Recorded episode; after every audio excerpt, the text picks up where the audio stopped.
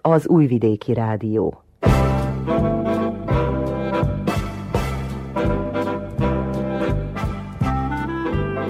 Mozaik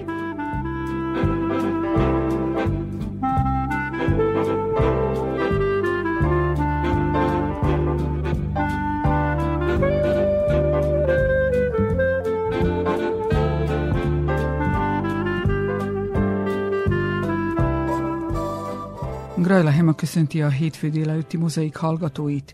Január 14-én Szent Tamáson jártunk Komáromi Dóra fiatal kolléganőmmel. Adásunk első és második órája ott készült.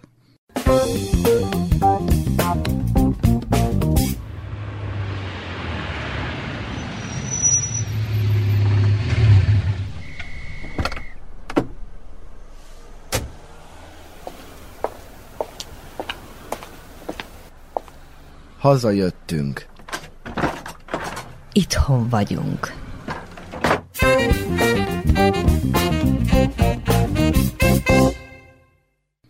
Szeretettel köszöntök mindenkit, aki eljött erre a mai találkára ide a Szent Tamási Névkönyvtárba. Meggyőződésem, hogy a hazaértek és az itthon lévők is most otthon vannak. Azok kedvéért, akik nem ismernek, én Grajla Hemma vagyok, de lévén, hogy én is Szent Tamáson beleillek a képbe, tehát hazajöttem, és itthon vagyok. Az élőműsor másik házigazdája, fiatal kolléganőm Komáromi Dóra. Azzal a szándékkal szerveztük ezt a sorozatnak elképzelt élőműsort, hogy egy-egy település elszármazottainak találkát szervezzünk az otthon maradottakkal. Felvetődhet a kérdés, hogy miért. Az érettségi találkozó élményéből induljunk csak ki. Mennyire örülünk, amikor egy-egy ilyen szervez valamelyik régi osztálytárs. A sok éves rádiózás során mindig melegséggel töltötte el a szívemet, amikor egy-egy adás után felhívott egy hallgató, hogy egy XY-nal készült beszélgetést hallgatott, régi ismerőse, de már sok éve nem hallott róla semmit. Segíthetek-e, hogy felvegye vele ismét a kapcsolatot? Hát persze, a válaszom mindig erre ez volt. A körülbelül két órásra tervezett együttlét majd kiderül, mire lesz elegendő, arra talán igen, hogy régi ismerősök egymásról hírt mondjanak, adjanak, hogy idézőjelben mondva kiderítsük, ki miért ment el Szent Tamásról, és miért maradt itt. És végtére az elszármazottak meghallják, miért is jó itt élni Szent Tamáson és már is kezdjük a beszélgetést. Az első beszélgető társam Sebők Ferenc, ő Szabadkáról érkezett, nyugdíjas nevelőtanár. Azok közé tartozik, akik az elsők között hagyta el mondjuk szülőfaluját. Igaz, hogy nem itt született, de sok évet élt itt. Én 1966-ban költöztem el Szent Tamásról. Édesapám munkaajánlatot kapott Szabadkán, és elköltözött a család. Van itt egy néhány közülünk, akik osztálytársaim voltak, tehát az első öt általánost itt fejeztem, utána Szabadkánra költöztünk, ott befejeztem a tanárképzőt, és az egész pályafutásomat tanárként dolgoztam le. Néhány éve nyugdíjas vagyok, elég sok szép emlék köt, vannak még most is ismerőseim, ha bár minden nappal kevesebb és kevesebb, mert a rokonság lassan idősebb tőlem is, én se vagyok már ifjúkorba. Föl lehet én még ismerni az akkori, az egykori Szentamási utcákat? Igen, bármelyiket nagyon elevenen hordom még az emlékezeteimbe. A Begluktól a Szexerhídjáig, a Slajszig, ahol kijártunk annak idején nagyobb fiúként már, aki tíz éves volt, annak ki volt szabad menni, fürdeni, nem tudom, sokan a fiatalok közül talán nem is emlékeznek rá, vagy ide a kötödéhez, a vonalacsarához, ahol, ahol jártunk fürdeni, vagy a Szexerhídjához, ahol fürödni jártunk, Rekovicához, a szívhez, ezeket a részeket, amikor úgy közben vagyok, hogy úgy Szent Tamáson megyek át, akkor néha-néha úgy belefél egy fél órába, és megállok, azt kicsit, kicsit, kicsit visszaemlékezek, igen. Próbálok nosztalgiázni, megmondom őszintén, jó érzés, ha erre megyek, vagy ha átjárok erre, de hát most már talán volna egy kis több idő. Eddig nem volt, mert eddig mindig vagy munkakapcsolat, vagy valamilyen kötelezettség, vagy valamilyen átutazás formájában ment, és akkor csak á, rendszeresen kétszer-háromszor évente azért hazajárunk, hogy úgy mondjam, az őseink tiszteletére, de már azt is csak néhány alkalommal tesszük meg évente. Van még egy-két ismerős, akivel néha szoktam találkozni, vagy kimondottan csak eljövünk egy ebédre, vagy de hát akkor is nagyon rövid az idő. És nehéz volt-e annak idején fiatal legényke korban megszokni a nagyvárost, mondjuk Szabadka, Szent Tamáshoz képest elég nagy változás lehetett? Hát nem volt egyszerű minden esetre. Először az iskolába kezdődtek a problémák. Itt még orosz tanultunk, mint idegen nyelvet. Szabadkán már egy iskolában sem tanultak orosz, mint nem idegen volt nyelvet. Nem volt, igen. Ha, az már az első probléma volt, tehát egy messzebb iskolába kellett járnom, ahol még idézőjelben volt egy-két tagozat. Nem volt egyszerű, mert azért Szabadka nem világváros, de a százezeres lakóságával Szent Tamáshoz képest az egy, egy más életforma volt, egy más szokások. Szóval, de nagyon sokat segített a sport, mert idejében régi szabadkaiaknak köszönöm, és Szent Tamásiaknak köszönöm elnézést, én kérek. A birkozók edzője Gion nevezetű Pista bácsi volt, akinek ősei szintén Szent Tamásiak, aki szárnyai alá vett, és 45 évet eltöltöttem a birkozó klubba is a későbbi életemből. Ő egy kicsit segített, kialakult egy sportközösség, a csapat, azok barátaim lettek, és akkor egy kicsit könnyebben alakultak a dolgok, az ismerettség, meg a, a város megismerése. Tehát kötődni kell valamihez, valakihez, valamilyen csoportosuláshoz, és akkor az embert könnyebben be is fogadják. Így, így, így történt, mert, mert a Szabadkai Birkozó Klub híres nagy család volt. Tehát mi nem csak sportoltunk, hanem a Spartacus az, az család volt. És aki egyszer a család befogad és családtagként kezel, akkor az, az sokkal könnyebb volt. Mindegy volt, hogy milyen sportákban tevékenykedtél, de a Spartacus jelvényű majca vagy póló nevezzük, hogy akarjuk, vagy trénerka volt rajtad, akkor, akkor már a családhoz tartoztál, és nagyon, nagyon megkönnyítette. Későbbiek folyamán a középiskolába való beiratkozást is, meg aztán már utána az ember érlelődött is, valahol nem éreztem a nagyon nehéznek a, az átállást és ennyi évtized után már tőzsgyökeres szabadkainak is mondhatja magát. Hát igen, valójában úgy is érzem, hogy őszinte legyek, nagyon szeretem a várost, Szabadkát, mint, mint várost. Szent Tamáshoz gyerekkori emlékek kötnek. Tehát, De szívesen fogadta a meghívást. Megmondom őszintén, nagyon szívesen fogadtam, sőt, nagyon meglepődtem, és megtiszteltetésnek érzem, hogy itt lehetek ma, és mondhatok két-három szót, mert szívem mélyén azért a gyökereket nem szabad elfelejteni. Itt legyen a végszó. A következő beszélgető társam Horváth Lászlós lévén, hogy együtt jártunk óvodába, lacizhatlak, ugye? Igen, hogy ne. hogy megtörjük a jeget, hogy ne alakoskodjunk itt. Te az Újvidéki Bölcsészkar történelem szakán diplomáztál, tehát ilyen történelmi vonatkozásban is kezdhetjük a beszélgetést. Szent Tamás és te, vagy milyen címet adjunk neki? Nem jó, hogy említetted, hogy együtt jártunk a vonában, mert én azzal kezdem, hogy én nagyon jó alanya vagyok ennek a műsornak, ugyanis Újvidéken is éltem, Szabadkán élek most, de körülbelül úgy osztottam el az éveket, hogy 20 évig éltem Szent Tamáson, 20 évig Újvidéken, és most 20 éve Szabadkán, tehát könnyű kiszámítani, hogy hány évesek vagyunk.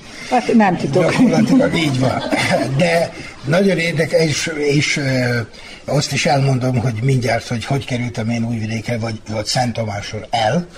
Én még középiskola után mentem katonaságba, és utána egyetemre, és Újvidékre jártam egyetemre, és valahogy ott ragadtam. Ott volt egy lakásunk, és aztán családot is alapítottam, de te vagy az oka, hogy a rádióba kerültem, ugyanis... Most így nyilvánosan. Nyilvánosan elmondom, nem titok, végeredményben azt el kell mondani, hogy tényleg történelmi szakot fejeztem, nem is volt még meg az oklevél, amikor Szent Tamásra visszahívtak, hogy legyek történelem tanár. Nem volt magyar történelem tanár akkor, és a volt tanáraim, volt igazgatóm, középiskolába aztán kiderült, hogy az általános iskolában is helyettesítettem, és történelem tanárként dolgoztam. Lesz olyan vendég, akit tanítottam is annak idején, de csak két évig tanítottam, ugyanis ez volt az a síralmas időszak, amikor megszűnt a magyar nyelvi középiskola Szent Tamásra, nem csak itt, másutt is, ez volt az a 9-10, ha még emlékeznek, ugye.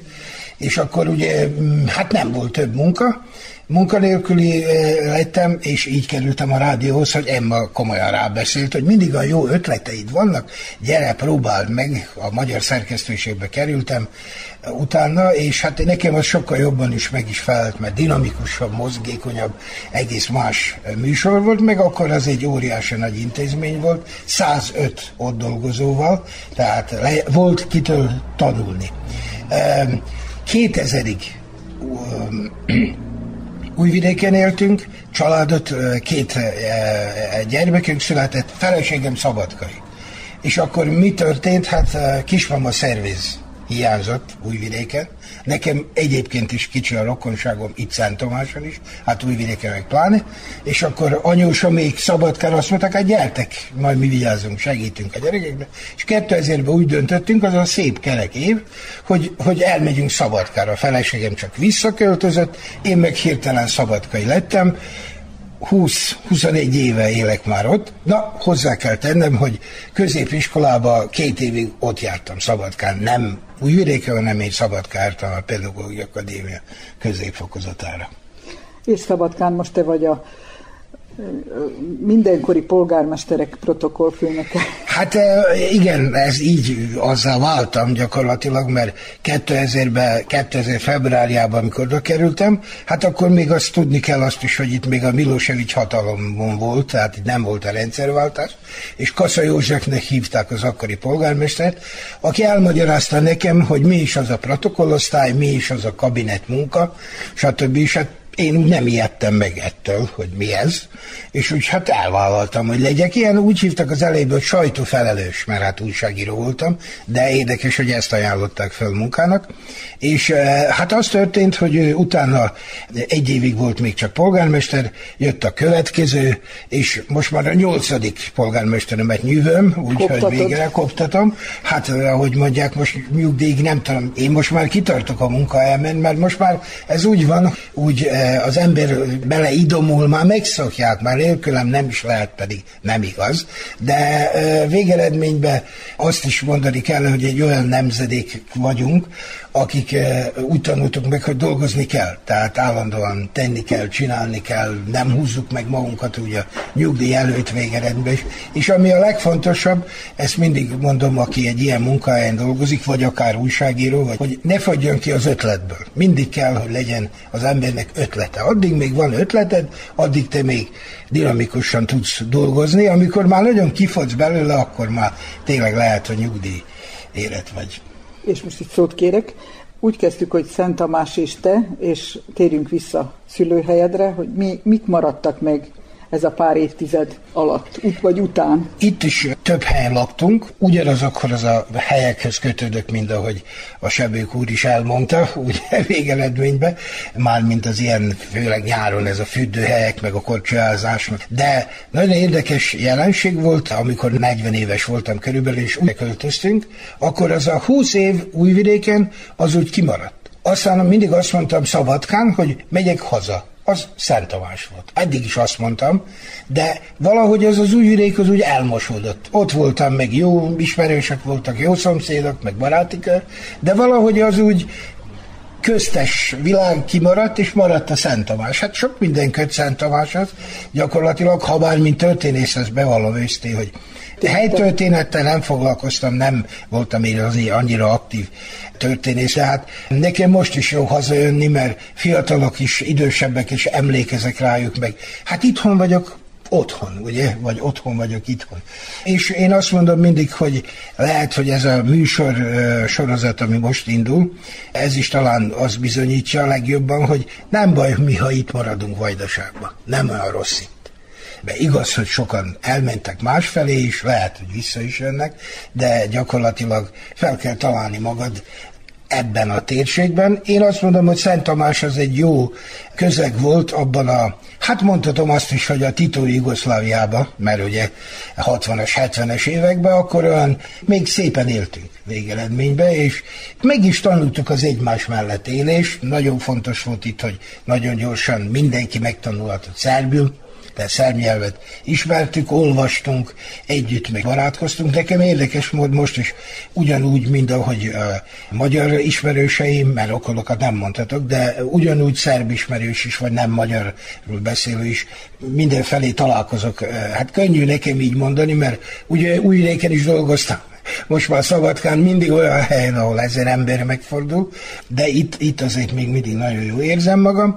Szent Tamáson, ha bár megmondom, hogy sajnos az én szüleim már nem élnek, a legközelebbi rokonom is unokatestvér, én is már lassan úgy van, hogy már csak úgy november 1 másodikán a temetőbe látogatott ki, és hát, de azért mindig úgy veszem az iránt, hogy Szent Tamáson áthaladjak, és akkor megnézem, hogy, hogy mi változik. Sajnos hogy kérdezted, hogy változtak-e az újvidéki utcák, ez a Szabadkai Szent Tamási utcák, bocsánat. Igen, hát ugye nem csoda, ez nálam előfordul. Igen, sajnos nem változtak. A legtöbb nem változott. Hát itt nem arról vagyunk ismertek, hogy urbanizálunk, hanem itt jó a föld, mezőgazdasággal foglalkozunk elsősorban. Nem volt annyi bontás, mint újvidéken, hogy eltűnnek utcák. De az, az nem baj, Szabadka is azért maradt meg olyan szépnek, a szecessziós belváros, meg a régi belváros, hogy egyszerűen határáros volt, nem volt pénz a fejlesztésre, és nem bontották le a régi épületeket. Amit lassan-lassan, de tataroznak, újvidékre nem lehet ráismerni. Ez most nem ez a téma. Igen, így van. És ami még a fiatal korodat illeti, a legénykedést Szent Tamáson, maradtak-e még emlékek? Vagy csak Szabadkához fűződnek, mivel a feleségét Szabadkai? Nem, hát nem lehet kitörölni azt az első húsz évet, tehát végül itt, itt jártam iskolába. Az abszolút nyomot hagy mindenkin, hát az iskolától kezdve, a templomon át, a hittanórák, stb. stb. Úgyhogy nekem még külön érdekesség, ezt ugye el kell mondjam. Szent Alásnak van két, hát tényleg ismert magyar szülöttje, egy nap születtek, Gion Nándor, meg a Vége László. Mind a kettő nekem rokon. A vége... Büszke vagy rájuk? Hát büszke vagyok rájuk, a Vége Lászlóval tartom is a kapcsolatot, ő apai ágra rokon is, viszonylag közeli. Gion Nándor az Újvidéki Rádióban, amikor oda kerültem, ő volt a főszerkesztő, és akkor ő fölhívta a figyelmemet, hogy hát mi szögrű végről rokonok vagyunk és én úgy meglepődtem, hogy komolyan, és akkor hát sajnos édesanyám már nem élt, édesapám még az ilyen rokoni szálakat nagyon nem tartotta, és akkor én nekem a, az ángyom, aki még most is él, akkor, akkor kinyomoztam, hogy ki nekem a Gion Nándor. Ővele annyira nem tartottuk a kapcsolatot, mert utána ő már Magyarországra kerül. Hát büszke vagyok, persze, hogy büszke vagyok. és itt álljunk meg lehet. Mivel, hogy a rátszabott idő lassan lejár. És most kérném Gál Elvirát és Gregus Zalánt, hogy üljenek egy kicsit közelebb. Mindketten Szabadkáról érkeztek, Szent Tamás szülöttei, és mindketten a Szabadkai Gyermekszínház művészei. Elvira azok közé tartozik, akit a színház itt a szülőhelyén fertőzött meg, hogy úgy mondjuk. Hát igen, mert hogy addig egy ideig volt amatőr színjátszás Szent Tamáson, aztán egy pár évig nem volt, és én egy pont egy olyan szerencsés generációhoz tartozok, hogy akkor színház szerető Fenyvesi Jóska, Robotka István, akkor még Sütő Angéla, színházat akartak csinálni, és kevesen voltak, és akkor a fiatalokat buzdították, és én szívesen vetettem bele magam ebbe a forgatagba, és miattunk, vagy általunk alakult meg akkor az Arany János Művelődési Egyesület, és aztán ennek keretén belül dolgozgattunk itt még éveken át, és így került ide Szent Tamásra Fischer Károly színművész úr, most már megboldogult, és ő általa jutottam én el Újvidékre, mert a felesége ott tanított az akadémián, akkor osztályvezető tanárnő volt, és akkor megnézett néhány előadást, és mondta, hogy próbálkozzak. És én próbálkoztam. És mit szóltak ehhez a szülők? Színésznő akar lenni a lány. A, azt nem gondolták komolyan, hogy színésznő akarok lenni, azt viszont támogatták, hogy amatőrködöm. Aztán amikor felvettek az akadémiára, nem volt mit tenni. támogattak végig. És mivel olyan hivatásról van szó, amely helyhez kötött olyan értelemben, hogy profi színház nincs minden településen, akkor már arra voltál ítélve, idézőjelben mondva, hogy nem Szent Tamáson folytatod az életedet. Igen, ez várható volt, de abba én akkor bele se gondoltam. Tehát én azt csak egy iskolának képzeltem meg további újabbnál újabb előadásokba. Tehát, hogy olyankor az ember még azon nem gondolkodik, hogy hol fog letelepedni. És hogy jött be a képbe a gyermekszínház? Ja, hát a négy év újvidék után azt gondoltam, hogy csak újvidék meg az újvidéki színház, és akkor a, a Kovács Frigyes elhívott egy előadásra Szabadkára, és időközben két nagyon jó kollégám rábeszélt engem arra, meg a Szabadkai Gyermekszínház igazgatóját, hogy találkozzunk, és akkor találkoztunk, és lecsapott rám. Így. és azóta ott vagyok húsz éve. Körülbelül te is majd egy idő után úgy beszélsz a Most pont azt mondhatom, mint a Laci, hogy húsz évig voltam Szent Tamáson, meg most húsz éve vagyok Szabadkán, és egy négy évet töltöttem Újvidéken. És ez a húsz év Szabadkán, ez egy érdekes periódus az életednek. Itt ott nőttem föl tulajdonképpen, de hogy én azóta érzem magamat szabadkainak vagy palicsinak, amióta családom van, mert most már úgy oda vagyok kötve. És ez a család, ez... Ez a férjem meg a gyermekem. Ez a család azt jelenti, hogy van egy művész férjed. Így van. Akivel egyeztetni kell a próbákat, az előadásokat, minden. És a gyermekvigyázás. A gyerme, gyermekvigyázás is egy főszerep. Így van, így van. De megoldjuk, hál' Istennek meg tudjuk oldani. Az a jó, hogy ő egyik színház, népszínházban dolgozik, én a gyermekszínházban, és akkor ez így rugalmasabb egy kicsit. A Szent Tamási emlékek az Arany Jánoson kívül milyen? Nagyon sok Szent Tamási emlékem van. Én akárhányszor Szent Tamásra gondolok, akkor mindig a Nagy utcára gondolok, a templommal a végén vagy az elején, ki hogy látja, meg az Adi Endrére. De aztán ott van még a Szent Tamási Rádió, ott is nagyon sok időt eltöltöttem. Ott van a, a színház, az omladozó, bár most azt hallottam, hogy újítják a színházat, igaz? Jaj, Majd de jó. reméljük Na, nagyon jó. Az óvodámat, tehát vannak ilyen szép kis emlék. A kis hidat szeretem, és milyen gyakran van alkalmatok hazalátogatni? Hát nagyon ritkán, de azért igyekszem havonta hazahozni a gyereket, vagy két hetente, tehát minél sűrűbben. De ez nem annyi, amennyit én szeretném, hogy Valahol legyen. olvastam nemrég, hogy a gyerekeknek nem a millió aktivitás kell, hanem egy ilyen, hogy falun töltse az időt a nagyszülőkkel. A nagyszülő a fontos, ja, az. az. És, és akkor aztán már jönnek a szülők is Igen. Utána. Igen. Zalánnal mióta vagytok kollégák? 18 év. 20. Oda, 20. Oda kerültem Szabadkára, ő következő évben jött, ugye?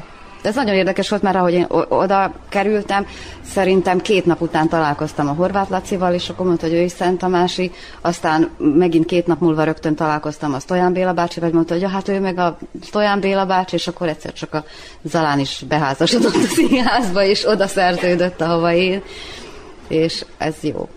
Különben Zalán története egy kicsit különbözik, hiszen az Arany János valahogy nincs benne a, a történetedben. Hát nincs. Hát aki engemet ismer gyermekkoromban, az el nem tudta volna képzelni, én, hogy én valahogy is színész leszek. Most is nagyon lámpalázas vagyok, lehet, hogy látszik rajtam. És a gyermekszínházban is lámpalázas vagy? Nem. Nem? Tehát az egészen más. Tehát nekem az ilyen közszereplés, meg műsorvezetés, meg ilyesmi az nagy gondot okoz, de amikor szerepet csinálok, az, az egészen más. Tehát az, az egy más világ, az akkor átlényegülök, és az tudom is, azt szeretem is, csinálom.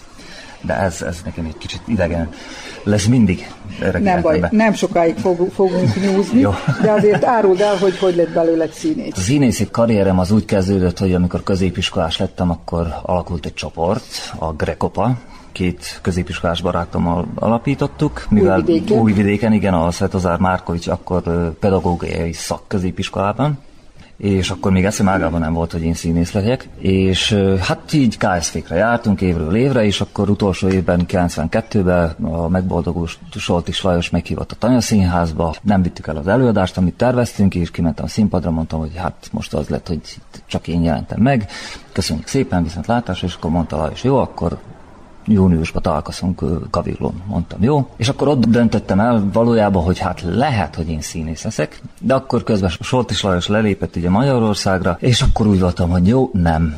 És akkor nem is lett belőlem színész, katona voltam, hazajöttem, és nyolc évig voltam itt Szent Tamáson látszerész, Élted a Szent Tamási életed? Éltem a Szent Tamási életed. Hát nem csak Szent Tamási, mert ak- akkor épp Újvidéken volt barátnőm, tehát ilyen Szent Tamás Újvidék ingázás ment, mint középiskolás koromban is, tehát az egy ilyen 12 év Szent Tamás Újvidék, Szent Tamás Újvidék, de az első négy-öt évemet azt, azt Németországba éltem le, tehát mindig valahogy visszatértem Szent Tamásra is, most is remélem, hogy majd egyszer úgy megint úgy visszatérek. Most egyenlőre egy, igen, 2002-ben költöztünk Szabadkára, 20 éve, ott vagyok egy gyermekszínházban, és végül is hát úgy kerültem a színházba, hogy 8 évig dolgoztam, mint látszerész, és egy évben találkoztam Mezei Kingával Újvidéken is, hogy jó lenne csinálni nyáron egy előadást, és elmentünk Zentára, csináltunk egy előadást, ahol Erdély Hermina is játszott az előadásba, tehát ott nagyon jó barátok lettünk, nagyon, nagyon jó barátok lettünk, még jobb barátok lettünk, úgyhogy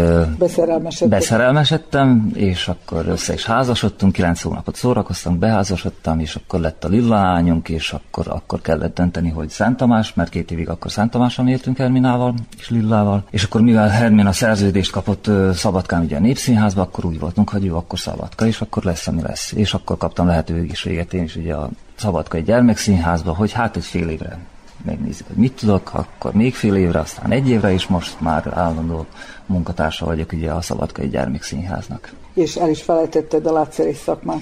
Nem felejtettem el, azóta már kicsit más... Csak a szemüvegeidet. Igen, a szemüveg, szemüveg, igen, elnézést kérek mindenkit, nekem kellett volna Végel Lászlónak a szövegét olvasnom, csak a szemüvegemet nem használom. Úgyhogy, tehát most egy kicsit más szakma felé nézek, tehát most megint találtam valami újat az életemben, ugye a család mellett, tehát most ékszereket készítek, ez megint egy új, és jó, és, és, és buzítok mindenkit, mindig találjam valami újat, és csinálja mindig amellett, amit szeret, még valamit kell, még kell szeretni, ugye, persze legfőbb a család. Hát most még annyit el kell dicsekednem, hogy most már ugye Lilla lányunk is első éves akadémista, úgyhogy családban marad, hogy ő is színész, színész lesz. lesz. Igen. És áruljuk még el azt a jelenlévőknek, hogy a szabadkai ifjú színész palántákat is is tápoltad. Még mindig ilyen 14. éve, hogy vezetek színjátszó csoportot a Szabadkai Népkörben. Hát elég sok színész palánta került ki már onnan. Tehát nem kell félteni a színházakat, hogy nem, nem lesz utánpótlás? Nem, nem, nem. Részemről nem. Mondhatjuk azt, hogy ki van töltve az életetek. Igen, igen, abszolút le, ami belefér, az nyomjuk. Köszönöm szépen, hogy eljöttetek. Mi köszönjük a lehetőséget. Köszönöm szépen. És most egy kicsit he- helyet változtatok. Itt ül sorainkban egy volt iskolaigazgató is, ifjú Zoltán üdvözöljük köreinkben, aki a 90-es években volt a Szent Tamási Jován Javán Izmály általános iskola igazgatója, és arra kérném, hogy emlékezzen vissza azokra az évekre, mennyire volt jellemző akkor, hogy a gyerekek iskola után másfelé veszik az irányt, vagy soha többé nem jönnek vissza szülőhelyükre? Én a 90-es évek második felében voltam az máiskola igazgatója. Annyira nem volt szokás, hogy, hogy elmenjenek a fiatalok Szent Tamásról. Már ez beindult Zentán, Adán vagy Szent Tamásról északabbra, városokba, falukba, de Szent Tamáson nem, inkább visszaszivárogtak a háború elő elszökött fiatal emberek. Viszont történt egy másik dolog, amely még mindig úgy emlékeimben van, és el kell, hogy mondjam. A háborús évek megtették a, a magukét, ugyanis 1998-ban csak egy magyar első osztály indult Szent Tomáson az iskolában. Az utóbbi évtizedekben ilyesmi nem történt meg. Hál' Istennek nem folytatódott a tendenció, utána tudtunk nyitni két osztályt is magyar nyelven, de sajnos az utóbbi tíz évben csak egy osztály indul magyarul. Feltételezem, hogy azokban az években is volt olyan, hogy pályaválasztási tanácsadás a nyolcadikosoknak. Lehetette azzal irányítani a fiatalokat, hogy esetleg olyan szakmákat, iskolákat válasszanak, hogy Szent Tamás jövőjére is lehessen gondolni? az, az volt, ugye az iskolapedagógus azt benne is volt a munkatervében, úgy tartotta, sőt, egy olyan is volt, hogy a szabadkai önkormányzatból Jöttek előadók, hogy a magyar gyerekek négy éves középiskolába iratkozzanak, mert el kellett magyarázni, hogy a négy évvel tovább folytathatják a tanulmányaikat, nagyobb tudást kapnak harmadik év után, ha meggondolják is, hogy mennének tovább nem lehet, ugye nagyon nehéz. Későbbi polgármester járt nálunk a, a Kucsera Géza, és beszélte rá a magyar gyerekeket, hogy, hogy minden négy éves középiskolába iratkozzanak. Én mindig azt mondtam a nyolcadikosok búcsúztatóján, hogy a magyar gyerekeknek sokkal jobban kell dolgozni, meg törekedni, hogy valamire vigyék. Én azt hiszem, hogy megfogadták a tanácsomat, és dolgoztak úgy, hogy nagyon sok iskolázott gyerek került ki. És még a végén egy személyes kérdés, volt-e az életben olyan lehetőség, hogy esetleg elmenni innen Szent Tamásról? Vagy mindig is úgy gondolkodott, hogy itt kell maradni? Lehetőség olyan nagyon nem volt, viszont amikor a háborút megjártam 92-ben, akkor a feleségem mondta, hogy nem volna jó elmenni innen. És akkor úgy belegondoltam, hogy itt kell maradni mégis. Ha mindenki elmegy, akkor mi lesz itt? Eszembe se jutott, hogy elmennek Szent Tamásra. Három éve nyugdíjas vagyok, kicsit előbb kellett volna elmenni, de nem lehetett, meg ha egy kicsit több pénzt adnának. Ebben nem tudunk segíteni. Így köszönöm szépen. Én is köszönöm. A következő beszélgető társunk majdnem itt lehetett velünk, de mégsem. Dr. Horváth Futó Hargitát üdvözöljük. Remélem, hogy hallják a Szent Tamásiak. Szerettük volna, hogy lássák is Hargitát, de itt valami műszaki gondok adódtak, úgyhogy képzeljék el, hogy itt ül Hargita velünk és beszélget. Hargita jelenleg nem él Szent Tamáson, vagy nincs folyamatosan szülőfalujában. Én látom Hargitát. Én is látom a mennyezetet. Így látjuk egymást, ugye? Most Üdvözöllek. Életed legnagyobb részét Szent Tamáson élted le. Szent Tamásinak vallod még mindig magad? Lévén, hogy most ideiglenesen Budapesten vagy, vagy nem ideiglenesen? Hát nem ideiglenesen, de Szent Tamásról sem azért nem beszélek múlt időben, mert most két lakjú vagyok, én inkább így mondanám.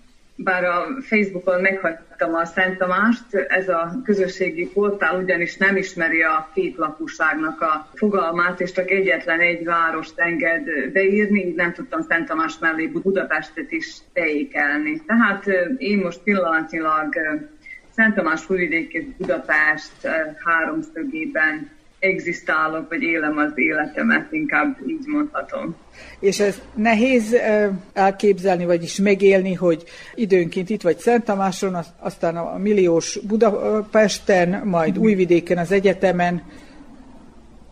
Nem, mindegyik városnak megvan a saját varázsa. Budapestet most fedezzük fel, tehát mindazt, amit ugye kínál, de izgalmas talán, vagy érdekesebb az élet azáltal, hogy nem egy helyhez kötött az ember, tehát én továbbra is Szent Tamáson is élek, Újvidéken dolgozom, akkor nem köt ugye a munkahely Újvidékhez, akkor itt vagyok a családommal Budapesten. És hát az az érdekes, hogy nem tudom, most itt próbáltam egy picit hallgatni az előzőek nyilatkozatait, nem tudom, hogy hányan születtek Szent Tamáson, mert én például nem Szent Tamáson születtem, már működött akkoriban is szülészet a kisvárosban, de ugye a komplikáltabb eseteket Verbászra küldték, és így én is a Verbász kórházban láttam meg a napvilágot, és hát az életrajzban sajnos mindig azt kell beírnom, hogy ő született Verbászon, ami úgy mindig egy kicsit idegesített, mert ahhoz a városhoz igazából nem kötődöm, de ha az életrajzomat nézzük, akkor ugye a Szent Tamás az elején nem szerepel rajta. Ez így van most is, hogy legtöbben vagy Újvidéken, vagy Verbászon születnek, és Szent Tamásiak. Azóta nincs Szent Tamáson szülészet. Nemrégiben olvastam a Debreceni születésű Térei János egy posztumusz megjelent kötetét, egy emlékiratot, amelyben idézi a más Debrecen narratívákban is olvasható mondást, ami például Mórisznál is előfordul a Légyó mint halálig című művében, hogy a debreceniek azt mondják, hogy akinek a köldökét nem Basahalmán belül vágta el a bába, az nem számít debreceninek, tehát az egy jött ment, és akkor így el is gondolkodtam azon, hogy a Szent Tamásiaknak nincs hasonló mondásuk, vagy legalábbis én nem tudok róla, hogy ki számít tőzsgyeteres Szent Tamásinak. Éppen azért, amit Emma is mond, ugye, hogy nem működött mindig Szent Tamáson szülészet. Melyek azok a legmaradandóbb emlékek, amik Szent Tamásra vonatkoznak nálad? Most, hogy Elvira például említette a színjátszókat, vagy a rádiót, akkor ez a periódusa is eszembe jutott a, a, az életemnek, mert hát ugye így, mint ahogy most hirdetik az utakat ilyen csillagtúraként, Szent Tamás volt egy állandó hely az életemben, ahonnan elutaztam Becsére, ugye középiskolába, utána Újvidékre, nagyon sok helyre, de ide az ember valahogy mindig visszatér, és én is mindig visszatértem, és így van ez már csak nem 50 éve, és innen származnak a legszorosabb kapcsolataim. Tehát lát, hogy nem is vagyok mindenkivel napi kapcsolatban, de valahogy érzem, hogy ezek nagyon erős kötődések, ezek a gyerekkori barátságok. A házi nevelésemet is kiemelhetném, mert ez is Szent Tamáshoz kötődik. Tehát mindaz, ahogyan a világról gondolkodom, amit jónak és amit rossznak tartok. És már gyerekkoromban szerettem hallgatni az idős embereket, akik egy számomra ismeretlen, de izgalmas világot tártak fel, és talán innen ered a helytörténet iránti érdeklődésem is, amelynek eredményeként tíz helytörténeti tanulmánykötet és monográfia jelent meg Szent Tamásról, és annak is örülök, hogy sikerült magam köré gyűjteni azokat az embereket, akik érdeklődtek, és akik kutatni akarták Szent Tamás történelmét, művelődés történetét, szokásait, nyelvhasználatát, hagyományait. Ehhez a kutatócsoporthoz hamarosan szel polgártársaink is csatlakoztak, aminek eredményeként szel nyelvű kötetek is megjelentek. Tehát ez egy régi világ fokozatos felfedezéseként is írható le. Tehát nagyon sok mindent, nagyon sok mindent Szent Tamásról éppen ennek köszönhetően, ezeknek a kutatásoknak köszönhetően ismertem meg. Tehát ezt a valamikori régi Szent Tamást az embereivel. És hát a helytörténeti vizsgálódások alatt jöttem rá, hogy Gion Nándor életművének Szent Tamási aspektusai sincsenek kikutatva, és Hózsa Éva kolléganőm, tanárnőm biztatására a doktori diszertációm témája Gionándor írói ókusza lett, és hát ez egy újabb érdeklődési kört, és egy újabb világot nyitott meg a számomra. Ugye közben elkezdtük gyűjteni az anyagot, Zakói Bolya zenetanárnő javaslatára megvásárolták a Gionék családi házát, tehát itt a gyűjtés, a kutatás elkezdődött, az emlékháznak ugye a kialakítása, az élettel, eseményekkel való megtöltése, mindezt a részleteket, az összefüggéseket, a lokális aspektusokat pedig a doktori diszertációm írása közben fedeztem fel. Mondtam azt, hogy ilyen csillagtúraszerűen folyamatosan visszatértem Szent Tamásra. Az egyetemi éveim, tanulmányaim után a Szent Tamási Általános Iskolában dolgoztam magyar tanárként, és innen kerültem vissza újra 2003-ba az újvidéki magyar tanszékre, ahol a mai napig is dolgozom. Akkor is ugye fölmerült az, hogy talán újvidékre kellene költözni, mert a férjem is újvidéken dolgozott, de mégsem költöztünk át. Úgy véltük, hogy a lányunk felnövéséhez sokkal jobb hely Szent Tamás, mint Újvidék, mert Újvidéken a nagyszülőket, a rokonságot és a baráti társaságunkat is hiányoltuk volna, és hiányoztak volna ők a gyereknek az életéből. A város kulturális és turisztikai kínálata pedig így is elérhető volt számunkra, a Tamásiak számára, hogy fél órányi járásra rendeztük be az életünket. És elmondhatjuk azt is, hogy eh, mindezt a kutatást, amiről beszéltél, nem végezheted volna el, vagy talán nem is kötötte volna le a figyelmedet, hogyha nem Szent Tamáson éled az életedet. Igen, igen, hát ez is volt Hózsa Éva kolléganőmnek az egyik éve, hogy már több monográfia is, tanulmány is megjelent Gion Nándor írói életművéről, de ideje, hogy valaki ezeket a lokális dolgokat is, tehát Szent Tamásiként közelítse meg az életművet. Örülök, hogy megfogadtam a tanácsát, és persze ugye Német Dezső és Paraszki László volt az a két ember, akikkel az elmúlt tíz évben együtt vezettük az emlékházat, együtt írtuk a Szent Tamás Eresz nevű hírportál, tehát itt is ugye napi szinten ennek köszönhetően is kapcsolatban voltam a Szent Tamásiakkal, tudomást szereztem mindarról, ami napi szinten történt. Ne felejtsük el említeni azt, hogy büszkék rád a Szent Tamásiak, hiszen októberi díjasként emlegetnek, tavaly előtt vehetted Igen. át Szent Tamás község októberi díját, mindezért a munkáért, amit említettél? Vagy lehet, hogy sok mindent még nem is sikerült elmondanod. Igen, így is fogalmazták meg a díjnak az indoklásánál, és tehát mindazt, amit szülőfalumért tettem, hát sok mindent lehetett volna talán még tenni, de úgy érzem, hogy így is sokat sikerült, és hát azzal, hogy a családom két éve Budapestre költözött, egy picit ritkítom ezeket a tevékenységeket, tehát nem fejeztem be, és hát szerencsére ugye olyan korban élünk, ahol a infokommunikációs eszközöknek köszönhetően ha fizikailag kevesebbet is tartózkodom most otthon, de ennek a technológiának köszönhetően nagyon is jelen vagyok továbbra is abban a félben. És mivel nem egy-két év ténykedésről van szó itt Szent Tamáson, lehetette utánpótlást kinevelni, hogy amikor te azt mondod, hogy fáradt vagy már esetleg más csinálja meg helyetted, átvegyék ezeket a kutatásokat? Hát én remélem, a Geoház is, vagy a Szent Tamás Ereszt portált is azért csináltuk több mint egy évtizede, reménykedtünk, hogy sikerül fiatalokat munkába állítanunk, és, és hogy meg lesz az utánpótlás.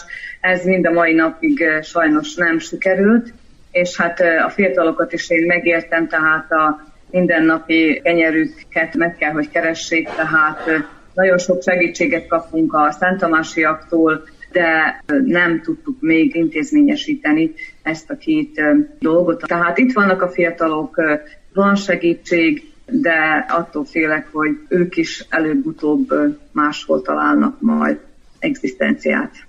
Reméljük, hogy nem lesz pessimista a befejezés. Megköszönném neked a közreműködést, hogy szakítottál időt, hogy velünk legyél.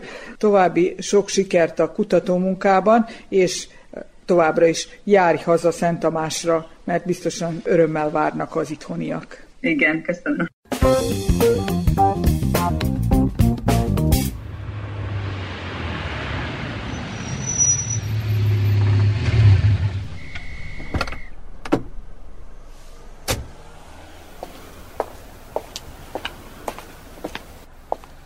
Hazajöttünk.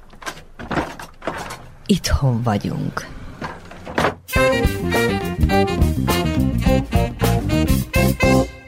Az egykori és mostani Szent Tamásiak találkozóján készült műsorunkat hallgatják a kedves hallgatók. Következzen két veterán, velem együtt három.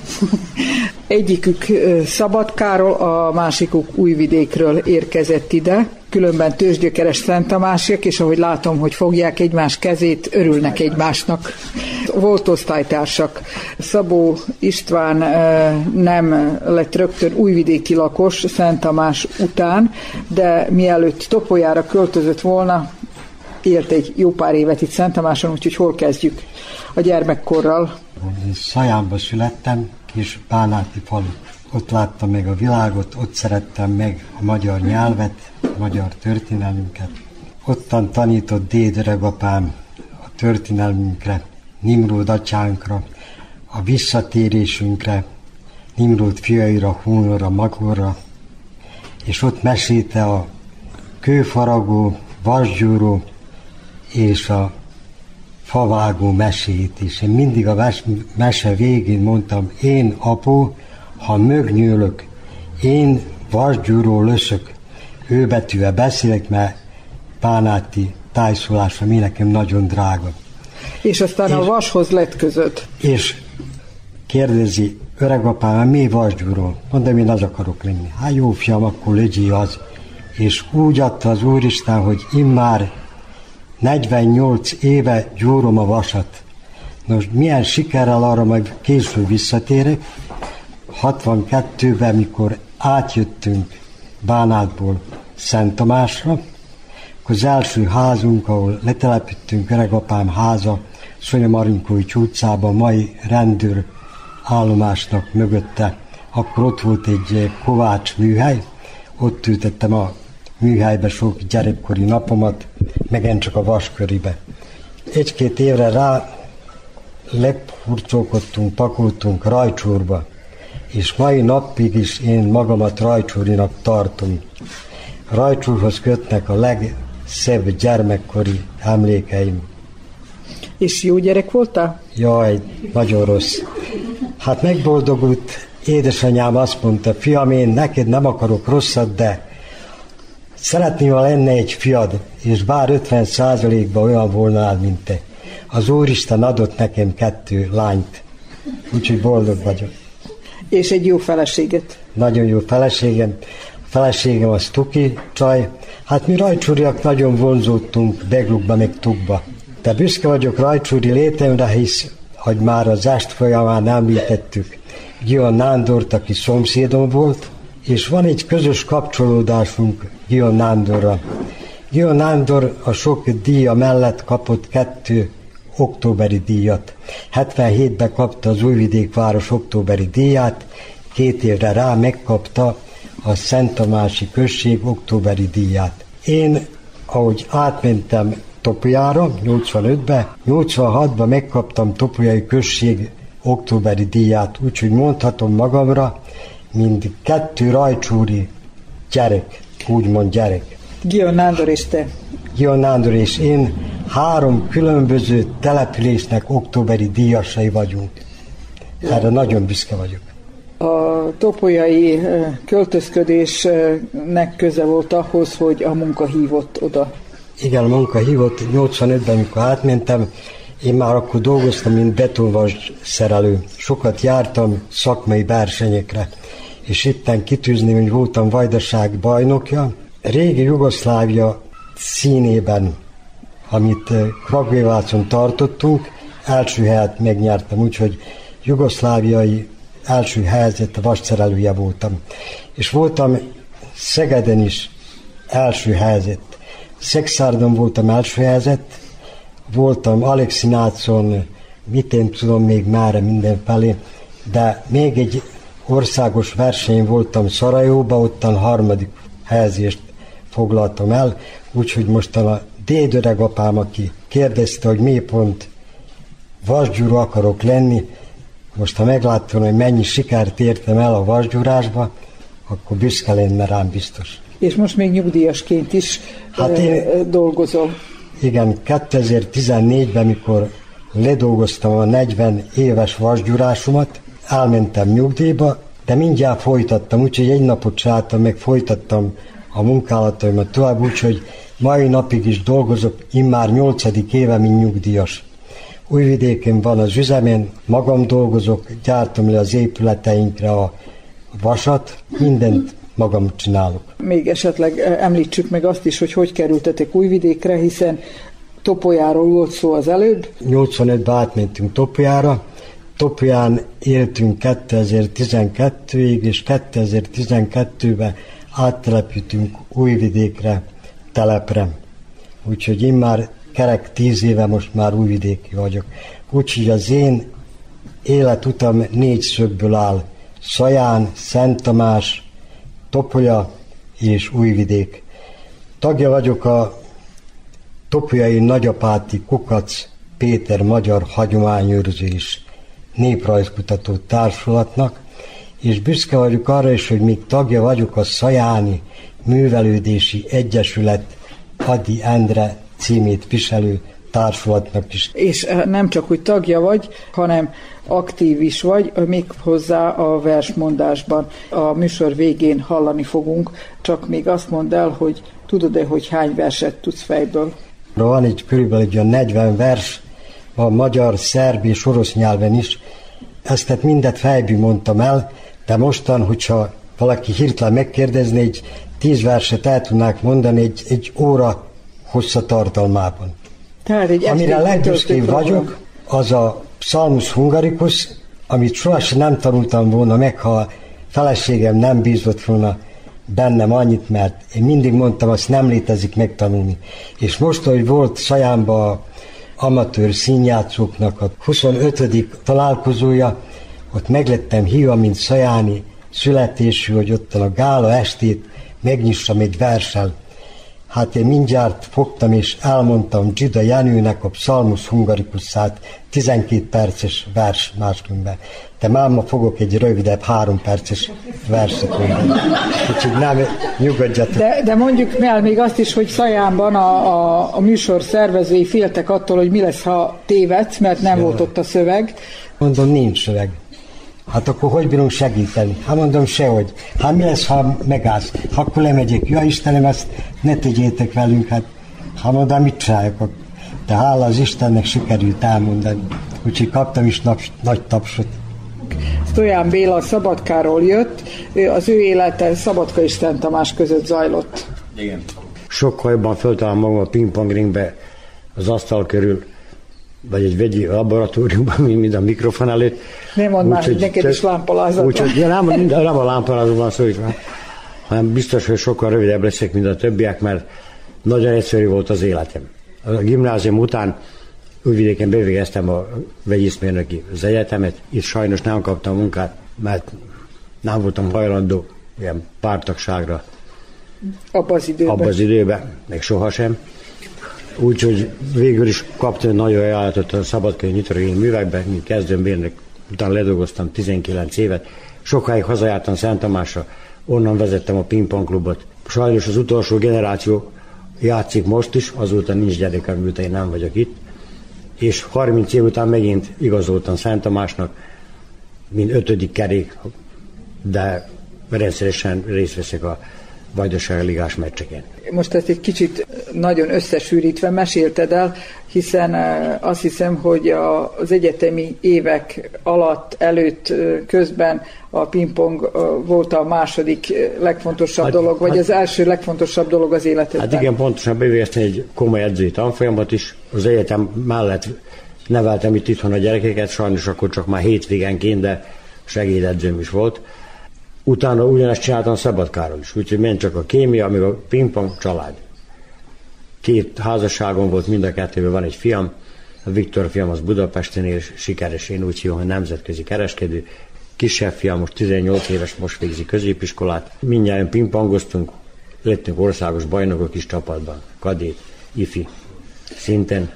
És nem felejtetted el Szent Tamást? És nem, hát most megint rendszeresen hazajárom, játszok a Vajdaságligában. Valamikor nevelt játékosaimmal. Jársz-e az érettségi találkozókra a gimnáziumban? Igen, járok. Az általános iskolában pedig a Covidig az utóbbi időben minden évben találkoztunk. Sajnos most három éve már nem találkoztunk. Vagy négy. A Covid előtt valami miatt nem. Én is találkozót pedig most legtöbbször kullán tartjuk, mert több volt a kullai, és ott a generáció találkozója van, szóval nem csak 56-osok, mi, mi, mi vagyunk, hanem mindenki az ottani népkörben. És ha jól tudom, te is ugyanúgy, ahogy Pista, még dolgozol a hát sporton kívül. Különben magaptam meg a végzést a nyugdíjra, de dolgozom tovább szakmában, különben vizekkel foglalkozom első naptól kezdve. Az üzemektől, abitól kezdve praktikus szivattyú, adagolás, szerelés továbbra is csinálom. És a fiad milyen irányban gondolkodik? Hát sok, már is külföldön jár neki az esze. Beleszeretett egy Angliába élő szabadkai kislányba, aki azt mondja, hogy a 18 éves lesz, megy Angliába. És január 15-én 18 éves lesz. A ti időtökben ilyesmi szóba se jöhetett? Ilyen szóba se jöhetett. Volt egy komoly családi terv is, meg, meg saját terv is végül is. A, a tanulásban is, sportban is, a társadalmi életben most é, másképp megy. És ö, megkérdezhetem azt, hogy elégedett vagy azzal, amit elértél? Hát sose voltam elégedett. Büszke vagyok sok, sok szép eredményre, de sose voltam igazából elégedett. Most például az is, hogy Szent Tamáson továbbra is nincs pingpong, hogy visszakörölt, hogy jöjjek, az csak jól esik, de... De fáj a szíved. Még, még mindig törekszem a bizonyításba, a szakmába is. Hát ez tart fiatalon talán, lélekben. Igen. Hát örülök, hogy eljöttetek, és Köszönjük átadjuk a, a szót a fiatalabbaknak. Köszönjük a, a lehetőséget. Lehetőség. A következő beszélgető partnerünk Hugyik Árpád. Nem volt eddig ismerősöm, most ismertük meg egymást, és kénytelen voltam egy kicsit nyomozni utána, ahogy rendes 21. századi nyomozóként kezdjük a Facebookon, megnézzük a közös ismerőseinket, megnézzük, hogy hol tanult, stb. stb. És bármit is kérdeztem a közös ismerőseinktől, annyit mondtak, hogy egy nagyon kedves fiú, Szent Tamási, jól tanul, ügyes, okos, minden. Gyakorlatban ennyit sikerült rólad előzetesen kiderítenem. Most viszont ugye azzal kezdenénk, hogy már nem vagy Szent Tamási. átköltöztél Újvidékre. Így igaz. Újvidékkel a kapcsolatom 2006-ban kezdődött, akkor írtam be ott a középiskolát, és mint sokan én is utaztam négy éven át. Akkor még igazából a buszállomástól a középiskoláig, a középiskolától a buszállomásig annyira a várost felfedezni nem volt lehetőségem. Erre viszont akkor került sor, amikor 2010-ben bírt a Műszaki Egyetemet Újvidéken, az úgynevezett Fötönöt, és bent lakó lettem, az Apácai Kollégiumnak egyik lakója, és hát akkor ugye már csak hétvégente jártam haza, vagy, vagy két hetente, attól függ, hogy a, a kötelezettségeim milyenek voltak. Hivatalosan újvidéki 2019-ben lettem, akkor elmentem a rendőrségre, és akkor beírták ugye a, a személyigazolványomban az újvidéki címemet, és hát onnantól kezdve vagyok én igazából újvidéki. Egy fordulópont volt, hogy, hogy akkor most már, amikor a, mit tudom én, a rendőr megállít, bár eddig nem állított még egyszer sem meg, akkor megkérdezi, hogy hát hova valósi vagyok, mert hát ugye a uh-huh. személyigazolványban ezt nem írja, akkor azt kell mondanom, hogy újvidéki vagyok. Uh-huh. Hát fura ezt így mondani, mert igazából hát itt, itt nőttem fel Szent Tamáson. Újvidéken is úgy mutatkoztam be, hogy Szent Tamási vagyok most, meg hát ez változott, és most újvidéken, újvidékinek kell bemutatkoznom. Furcsa volt ez az átállás? Hát nem volt annyira furcsa, igazából már kilenc éve ott éltem gyakorlatilag, már meg is házasodtam, ez a felnőttségnek az egyik lépése volt, hogy, hogy az ember oda költözik uh-huh. igazából, ahol él is. De talán a felnőttségből lépjünk vissza egy fokkal. Milyenek voltak az egyetemi éveid, ugye villamos mérnökként dolgozó uh-huh. jelenleg, mennyire volt nehéz az egyetem? A fölvételi talán az egyik legnehezebb dolog volt az életemben addig. Én emlékszem, hogy arra készülvén, mert ugye hát matekból volt a fölvételi, hát én nem tudom, egy négy-öt ilyen vastag uh-huh. füzetet át gyakoroltam, és nagyon féltem tőle, hogy hát, ja Istenem, most jönnek a, nem tudom, a matek gimiből, meg a nem tudom én azok, uh-huh. akik ezt már nagyon tudják. De hát aztán végül is sikerült fölvételt nyernem, és Hát nem volt könnyű az egyetem, kellett tanulni. Uh-huh. Ajánlanád másnak is? Hát persze. A, tanulást mindenképp, meg persze az egyetemet is. Hát szerencsére jól választottam. Még mindig szeretem a szakmámat, és nem gondolkodom azon, hogy változtatni fogok. De hát meg kellett szenvedni a diplomáért, de hát valamennyi tudást ragadt rám, úgyhogy én úgy gondolom, hogy a befektetett idő és energia az, az megtérült. A matek az azért egy hát ilyen univerzálisabb nyelv, tehát hogy az minden egyes kontinensen ugyanaz. Sokan azért nem maradnak Szerbiába, mert egy kicsit tartanak attól, hogy ha nem anyanyelven kell majd tenni a vizsgákat, stb. stb. Uh-huh. Hogyan mutatkozott meg nálad ez a folyamat? Szerencsém volt, ugye, hogy Szent Tamási lévén itt azért többségben van a szerb lakosság, így azért egy minimális vagy annál talán több tudással is indultam, így a szerb nyelvvel nem volt komoly gondom. Másrészt viszont az is szerencsém volt, hogy, hogy ez egy műszaki tudomány, ahol hát papíron végezzük el a számításainkat, azt átadjuk, uh-huh. akkor tanár azt megnézi, ha jó a végeredmény, jó, ha nem, nem. Nem is volt sok szóbeli vizsgánk igazából, szerintem egész egyetemista éveim alatt talán kettő vagy három. Uh-huh. Eleinte ugye nagyon sokan voltunk, az első évben 180-an azt hiszem. Tehát Akkor lassacskán lemorzsolódtatok hát, egyébként? Vagy hogy... Igen, igen, volt ilyen is, hogy többen ott hagyták, ez főleg az első évben történt, meg aztán pedig első évben történt szakosodás, akkor négy szak közül lehetett választani, akkor itt is azért megosztott a társaság, akkor harmadik év után ismét szakosodtunk, és akkor negyedikre oda jutottunk, hogy az évfolyamon voltunk 5-6-an. Tehát a 180 után az 5-6 az egy ilyen, hát nem tudom, tehát bensőséges volt a hangulat. Igen, tehát akkor bármennyire is univerzális nyelv a matek azért nem a legkönnyebb nyelv, amit meg lehet tanulni. Hát igen, nyilván ugye tehetség is kell hozzá, de mm. szerintem a a kitartás és a kemény munka. Jelenleg is ugye villamosmérnökként dolgozol az Alice Eastern Europe nevű cégnél.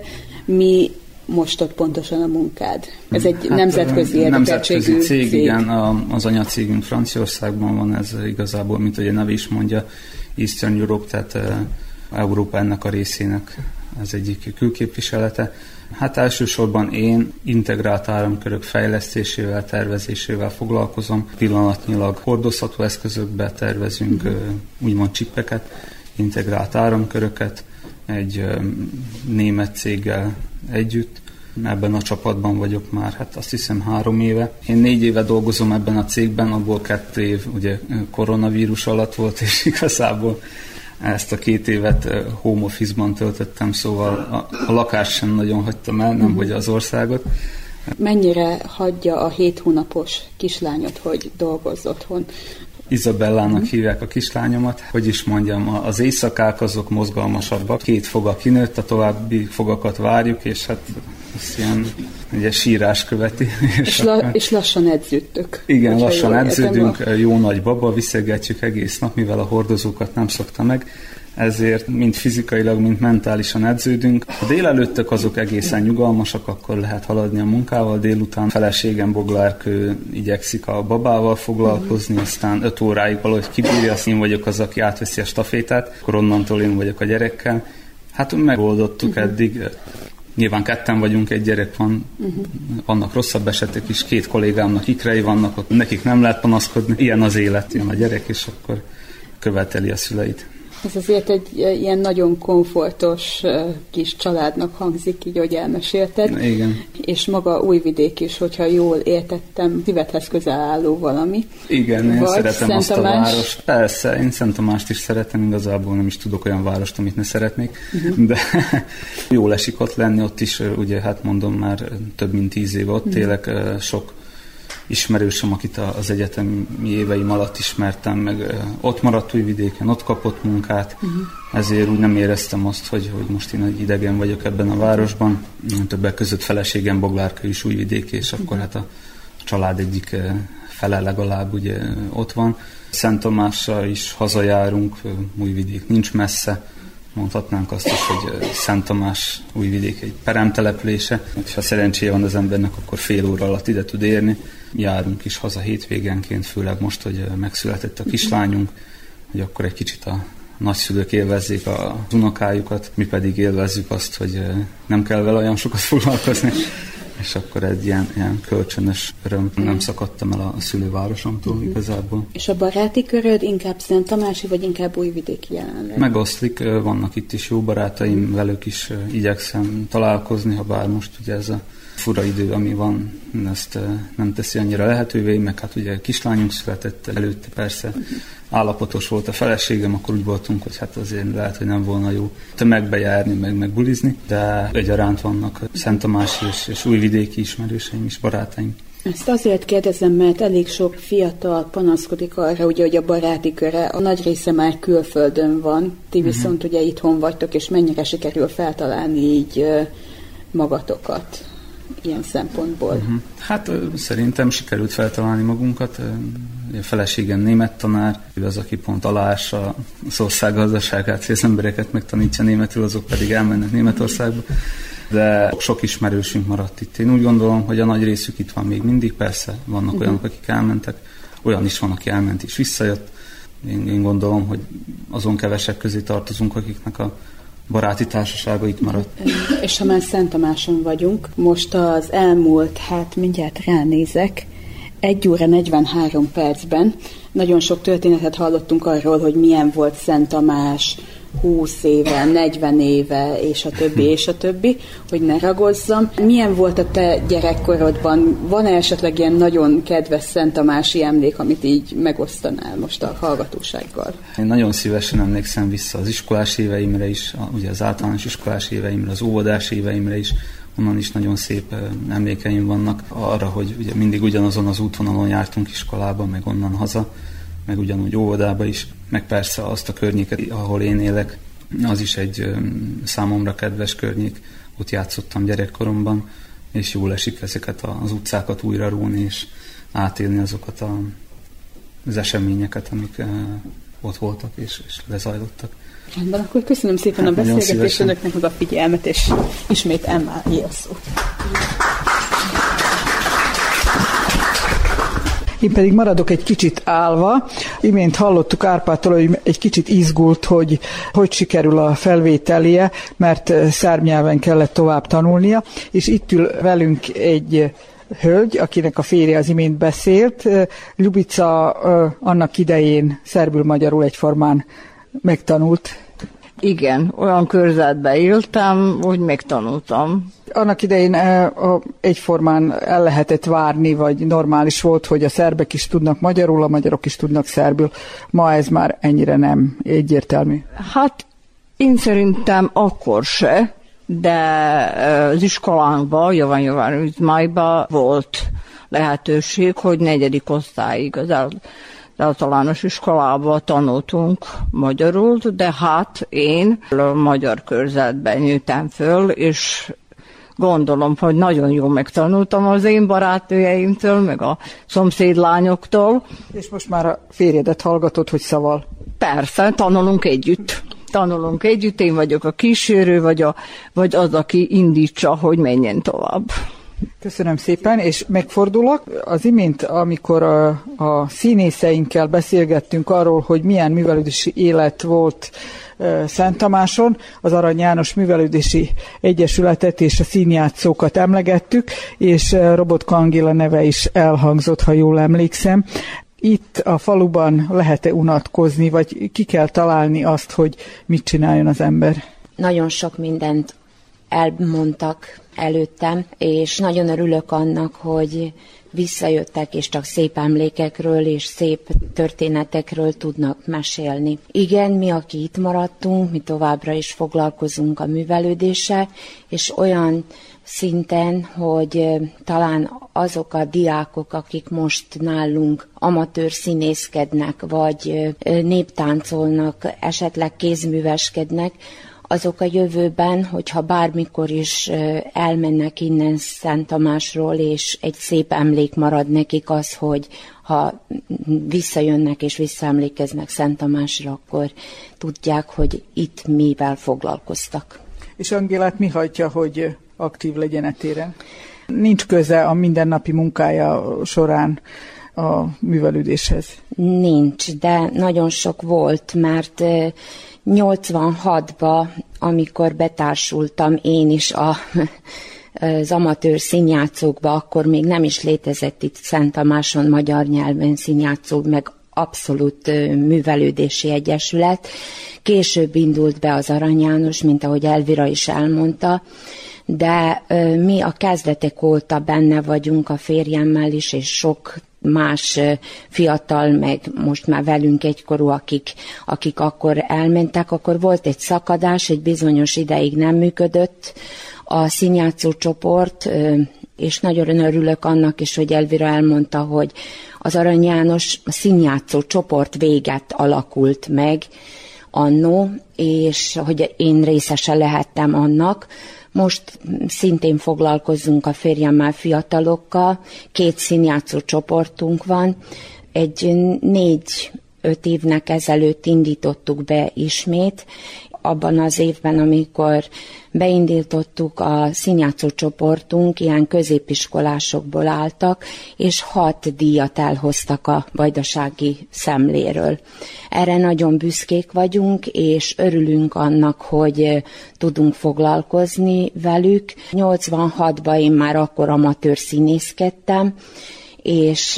De színésznő nem akart lenni. De akartam színésznő is lenni, csak az apukám nem engedett. Aztán anyukám unszolására Becsén a közgazdasági középiskolát fejeztem be.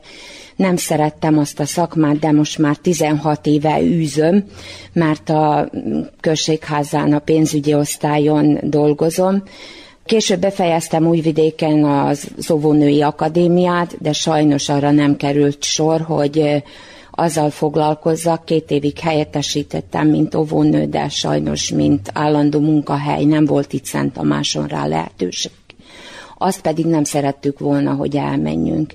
Látom a fiatalokat, foglalkozunk velük, elmennek bizonyos időre, aztán visszajönnek.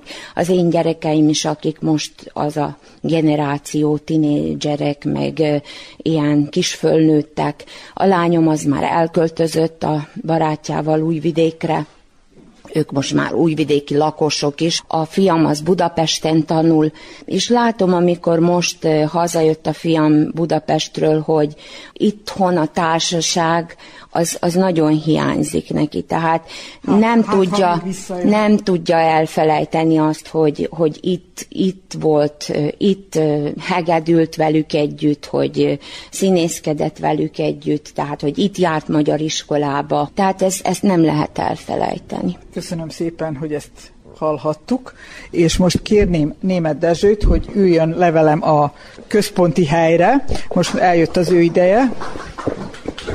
A mai műsor létrejöttében sokat segített német Dezső is többek között, hogy összehozzuk ezt a találkát itt a népkönyvtárban. Mondhatjuk azt, hogy Végére hagytuk a beszélgetést veled, de nem véletlenül, hiszen valahol pontot kell tenni. Sok szál összefut nálad a 90-es évek óta. Villamosági mérnök vagy, most már nyugdíjas. Hogy került hozzád közel a művelődés? Nagyon örülök, hogy összejött ez a ma esti találkozó, hiszen hallom tordaiaknak találkozója vannak. Ilyen találkozók elszármazottak, különböző településeken találkoznak oromiak világ oromiak, szajániak is, és így tovább. Erről már régebben gondolkoztam, csak nem tudom, hogy hogy hozzuk össze. Hát ez most egy találkozó ez kicsiben, egy, ti meg majd folytatjátok nagyban. majd valahogy megoldjuk egyszerűen megszervezzük. Hogy hogy kerültem minden esetre a kultúrába, Hát ez is egy talány. Ez úgy volt, hogy 1995-ben Szent Tamáson szervezték a Dorindót és a Gyöngyösbokrétát, akkor, mind ismeretes, a Citerozene Barátok Klubja volt a főszervező, és minden másik kultúregyesület segítette a munkáját. Valójában ez egy Szent Tamás összefogás volt, és már ott volt, hogy az utolsó hét volt a szemléig, és még hiányoztak a kellékek, nem volt megcsinálva a színpad. És az egész munka ott volt a szomszédomban, és én ezt észrevettem, és hát mondom, kell segítség. Hát azt mondják, hogy jó lenne. No és akkor én hátmentem szerdán a szerszámmal és a többi dologgal, ami kellett, és így szombatra a Durindóra megszületett a színpad, a háttér, akkor szombaton éjjel szétpakoltuk, szétszettük, átvittük a sportcsarnokba, vasárnap reggelre az is föl lett állítva, utána pedig csak szét kellett szedni. No és ezek után azt mondta az Atkó a tanárnő, hogy Dezsőtenéket holnap után el kell jönni az elnökségi ülésre, azóta én valójában leragadtam a kultúrába ott maradtam a szervezésbe mindig, és segítettem a munkájukat. Valójában egy ilyen háttérmunka nélkül nem is lehetne egy egyesület munkáját sem elképzelni, hiszen nagyon sok mindenre oda kell figyelni, beszerezni, megszervezni. Hát igen, ez valójában a Zatkói Baja tanárnőnek, aki valójában vezette a citerásokat, vezette a dalárdát, kézimunkázó asszonyokkal is foglalkozott, voltak betlehemező csoportjaink abban az időben. Amikor kellett útra menni, akkor biztosítani tudtuk, az autókat, biztosítani tudtuk a szereplésre, az előadásokra, a, hangosítást. Szépen ment a munka nem olyan pesgő művelődés élet van, mint a 90-es években, de több művelődés egyesület is végzi a saját munkáját a saját körében, mint az előbb Robotka Angéla is mondta, ők foglalkoznak a színészekkel, foglalkoznak a gyerekekkel, a hagyományápolással, az asszonyok kézimunkáznak. Mi a Gion Nándor Kulturális Központ keretében a Gion Nándor emlékét őrizzük, valójában működtetjük az emlékházat, az emlékház mellett helytörténeti kutatásokat végzünk, és valójában az utóbbi tíz évben megjelentettünk a helytörténeti kutatásaink keretén belül már nyolc kötetet, a Gion Nándor novella pályázatok gyűjteményeiből pedig már 80, a regénypályázatunk által két regényünk van, és egy ifjúsági regény, a mi fordítói pályázatunk által pedig az idei évig, tehát az, az elmúlt tíz év alatt lefordítottunk 14 kötetet a Gion Nándor életművéből. És még csak azt hiszem, az hiányzik, hogy a Gion Nándor Kulturális Központ fizikailag is meglegyen. Nagyon régi álmom én nekem is, és biztos vagyok benne, hogy a Szent Tamásiaknak is, hogy Szent Tamáson a, a magyar lakosoknak lenne egy központja, ahol lehetne találkozni,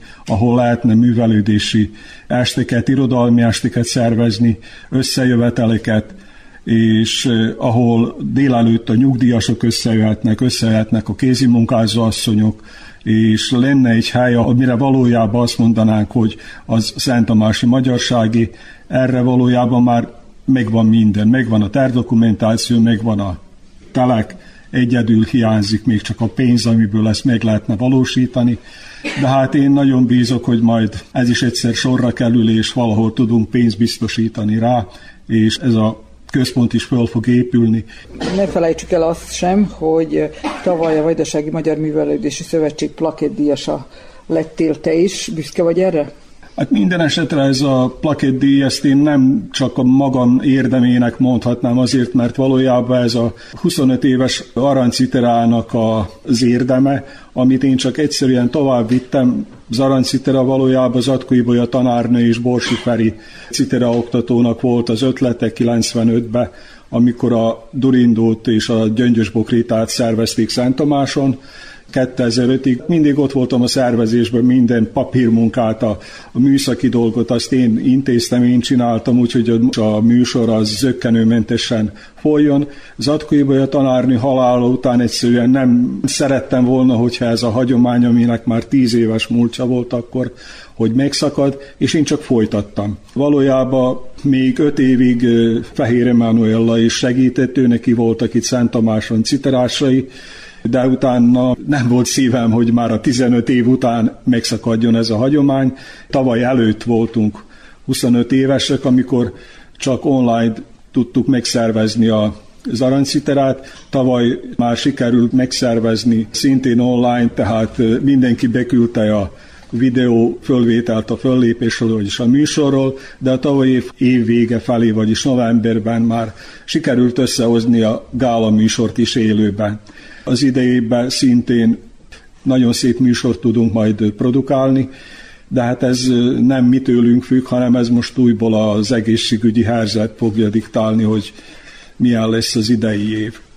Én emellett nagyon büszke vagyok arra, hogy már tíz éve csináljuk a honlapunkat, a Szent Tamás Erest, ami valójában már több mint 7000 föltöltött oldallal rendelkezik. A, és a Szent Tamásiak követik? Eddig több mint 410 ezer látogatónk volt, ez 2014 óta. Én szerintem napi 200-250 látogatónk van, ez én gondolom Szent Tamási szintén nagyon szép. És ez részben helyettesíti a nem létező Szent Tamási rádiót is. Hát a rádiót olyan szempontból, hogy zenét sugározunk, azt nem. Értem, de a de híreket, információt. információkat, igen, ami a Facebook oldalunkat illeti, a Szent Tamás Árás honlapnak, azt Palacki László kezeli, ott, ott körülbelül 2500 követőnk van. Egy űrt próbálunk kitölteni Szent Tamáson a Szent Tamási hírekkel kapcsolatban. Csak is olyan híreket közlünk, amelyek a Szent Tamásiakat is érint. Továbbra is e, ilyen aktív mindennapokat kívánok, és kérném a másik házigazdánkat, Pintér Andreát, hogy csatlakozzon hozzánk. Az imént hallottuk a Magyar Házzal kapcsolatban, hogy lenne majd egy hely, ahol a szentamási magyarok találkoznának. Hát most ez az a hely, ahol találkozhatnak. Azt hiszem, hogy a népkönyvtár kapacitása és lehetőségei, és természetesen a népkönyvtárt vezető személy személyiségétől is függ, lehetőséget ad arra, hogy itt-ott ezt-azt lehet szervezni. Mindenki tudja, hogy én tíz évig az Újvidéki Rádióban dolgoztam, és egy újságírónak azért elég mozgalmas az élete, meg a mindennapja. És hát amikor átjöttem ide a könyvtárba, akkor ez a mozgalom valahogy megszűnt, mert ugye egy könyvtárban hát azért nem mondhatom azt, hogy nagyon mozgalmas az élet, de hát próbálom ezt a dinamikusságot valahogy a könyvtárba kamatoztatni, és megpróbálok szervezni különböző könyvbemutatókat, vagy megpróbálom a gyerekeket valahogy ide csábítani különböző műhely munkákkal, vagy különböző rajzpályázatokkal, tehát valamiféleképpen egy kis életet vinni ebbe a könyvtárba, mert azért sajnos azt tapasztalom, hogy nagyon kevesen járnak könyvtárban. Most itt kivétel a nyugdíjas korosztály és az idősebb korosztály, vagy a munkás réteg, de mondjuk a gyerekek, hát szóval nagyon kevesen jönnek be a könyvtárba, és akkor megpróbálom valahogy őket ide csábítani. Hát most én is még nagyon fiatal vagyok, itt mondhatom úgy a könyvtárba, tehát még azért nem volt annyi időm se kibontakozni, de hát azon vagyok, hogy azért egy kis életet vigyünk ebbe a könyvtárba, mert azt hiszem, hogy nagyon szép könyvtárunk van, azt hiszem, hogy nagyon kevesen büszkélkedhetnek egy ilyen szép épülettel, és hát én valahogy úgy érzem, hogy ebbe a könyvtárba örömbe jönni. És minden olvasni vágyót szeretettel várok. És minden olvasni vágyót természetesen szeretettel várok, úgyhogy így most így a közönségnek is fölhívásként szóljon ez, hogy nyugodtan jöhetnek a könyvtárba, tényleg igyekszünk mindig a legújabb könyveket is beszerezni. Meg nem hát csak a házi olvasmányokat. Nem csak a házi olvasmányokat, hanem érdekes könyveket is. Tehát itt a romantikus regénytől kezdve egészen a történelmi regényekig tehát mindent megtalálhatnak, és mondom, azon vagyunk, hogy azért kövessük a trendet, tehát az újabb regényeket meg be is, be is szerezzük úgy, hogy nyugodtan jöhetnek. Ja, Andrát kérdezem utoljára ma, hogy miért jó Szent Tamáson élni, hiszen ő élhetett volna esetleg Újvidéken is, amíg a rádióban hát dolgozott. 15 Én csábítottam is, de nem, nem 15 éven volt rá, mert ugye egyetemre jártam, utána pedig a munka miatt, tehát közel 15 évet ingáztam Szent Tamás és Újvidék között.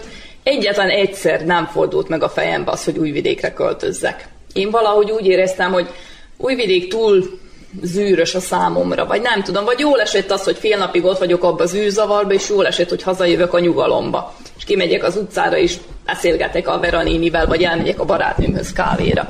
És valahogy én ezt újvidéken így nem úgy éltem meg, hogy én nekem ott jó lenne. Meg különben is mindig ilyen honvágyam volt valahogy, akárhova elmentem, én mindig ilyen erős honvágyjal küzdöttem. Hát Szent Tamáson még itt van ugye a család, itt vannak a szüleim, itt vannak a barátok, Igaz, egyre kevesebben vannak már a barátok is, mert ugye nagyon sokan elköltöznek, de én valahogy még mindig jól érzem magam itt Szent Tamáson. Most igaz, hogy hiányzik ez az újvidéki dinamikus élet, és most itt Szent Tamáson, ugye egész nap Szent Tamáson már kicsit másképp látom a dolgokat, de azért én jól érzem itt magam is, próbálok valamit tenni azért, hogy a többiek is jól érezzék magukat. Legyen így továbbra is, és a végén most még kérném Pistát, hogy jöjjön ide a mikrofon közelébe, és mondja el az ígért három és fél perces verset.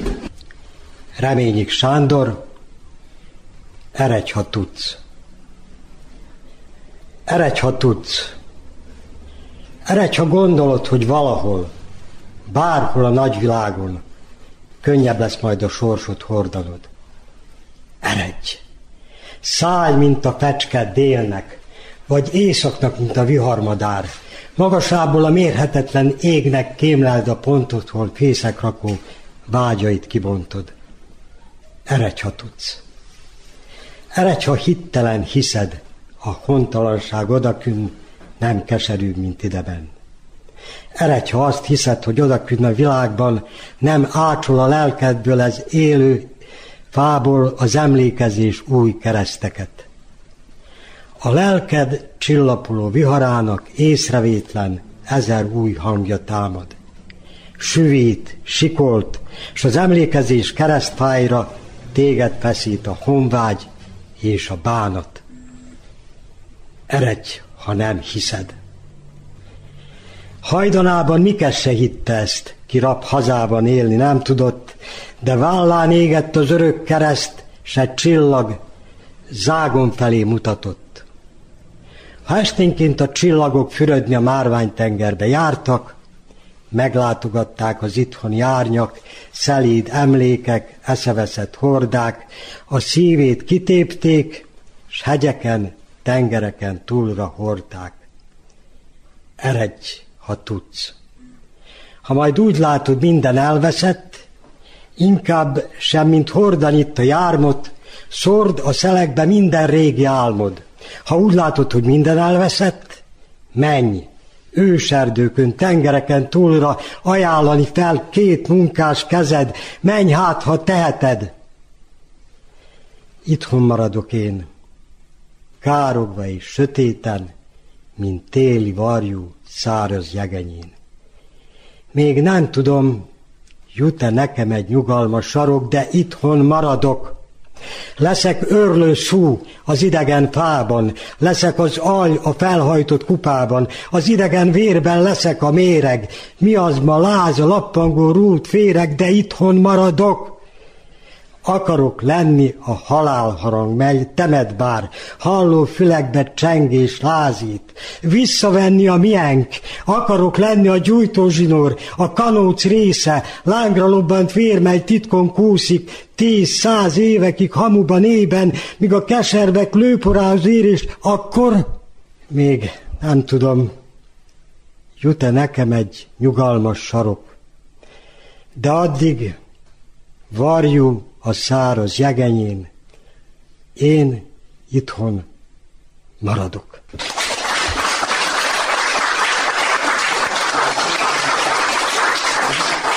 Köszönöm szépen!